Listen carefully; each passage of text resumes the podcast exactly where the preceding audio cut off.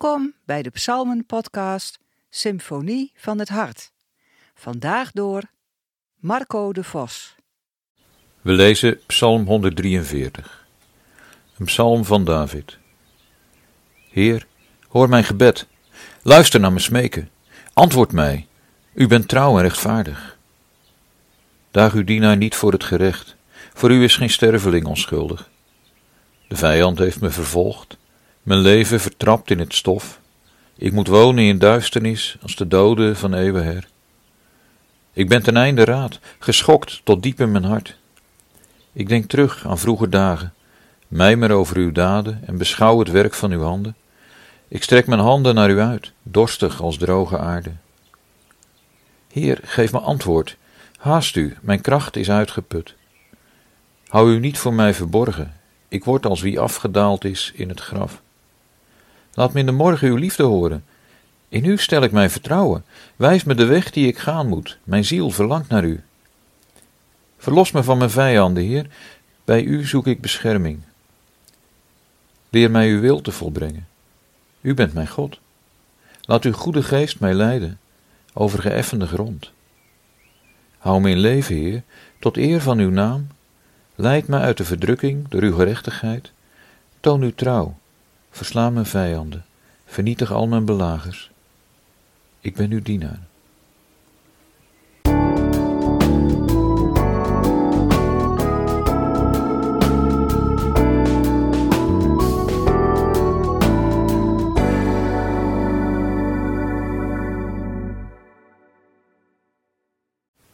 Wat doe je als het stil blijft? Als je bidt om genezing, als je het uitschreeuwt om bevrijd te worden van mensen die je leven verzieken. Als je vraagt of je Gods aanwezigheid weer mag ervaren zoals vroeger. Maar er gebeurt niet. Geven we het dan op? Leggen we de schuld bij onszelf? Verwijzen we naar de nieuwe hemel en de nieuwe aarde? Wat doet de psalmist in Psalm 123 als het ook daar stil blijft? We hebben de afgelopen maanden meerdere psalmen gehoord waarin een omslag plaatsvindt. De dreiging, de vijanden, ze zijn er nog steeds. Maar er is iets veranderd in de manier waarop de psalmist naar de omstandigheden kijkt, naar zichzelf kijkt, naar God kijkt. De klaagzang is een loflied geworden. In Psalm 143 zien we die omslag niet. We horen geen antwoord van God, we horen geen andere stem, we horen geen blijdschap. In deze psalm spreekt iemand die een acute dreiging door concrete vijanden ervaart. Die vijanden worden verder niet benoemd. Het kunnen mensen zijn die dreigen met fysiek geweld, lieden die roddels verspreiden. De psalmist bagatelliseert het gevaar niet, maar gaat ervan uit dat God kan helpen. Hij doet een beroep op God. Dat beroep is geen claim, alsof hij er recht op zou hebben. De psalmist benadrukt in vers 2 dat geen enkel levend wezen rechtvaardig is voor de Heer. Hij beschouwt zichzelf dus niet als onschuldig of vlekkeloos. Maar hij ziet zich ook niet als een uitzondering, ziet zijn lijden niet als straf voor zonde. Dat woord komt in deze psalm niet voor. In een rechtsgeding valt niets te winnen of te claimen.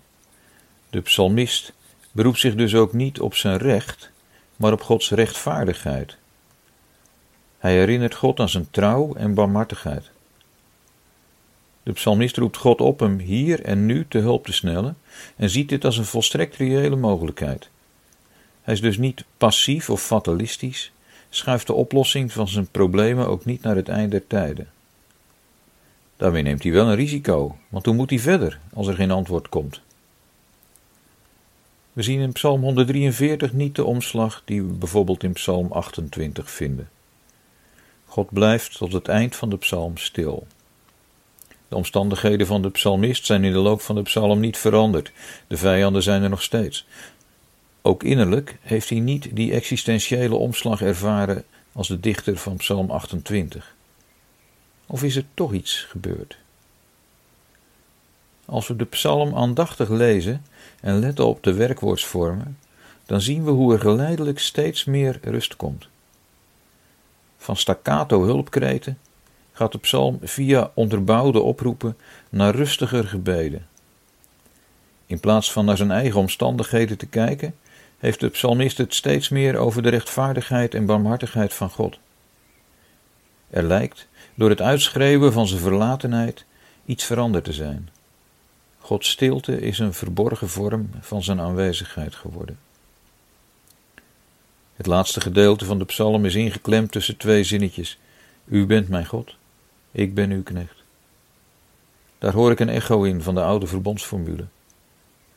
Dat maakt het niet makkelijk, we blijven met vragen zitten, maar de verbondenheid met God, de wetenschap Gods knecht, Gods kind te zijn, maakt voor de psalmist het verschil, ook als het stil blijft. Dat lijkt van een afstand gezien misschien te gemakkelijk of naïef. Maar het is de psalmist zelf die hier spreekt. En wie het lijden zelf ervaart, heeft pas echt recht van spreken. Het zou zomaar kunnen zijn dat vertrouwen op Gods gerechtigheid alleen een optie wordt voor wie het lijden onder ogen durft te zien, voor wie de afstand tot het lijden durft te verkleinen. Zoals God zelf doet. Want in de slotzin, want ik ben uw knecht, klinkt ook iets door van die knecht waarover Jezaja spreekt. Daarin zien we al iets van Jezus, in wie God zo dichtbij komt dat hij ons lijden deelt. Wees daarom niet bang voor de stilte. Vul hem niet met wanhoop. Doorbreek hem niet met makkelijke antwoorden.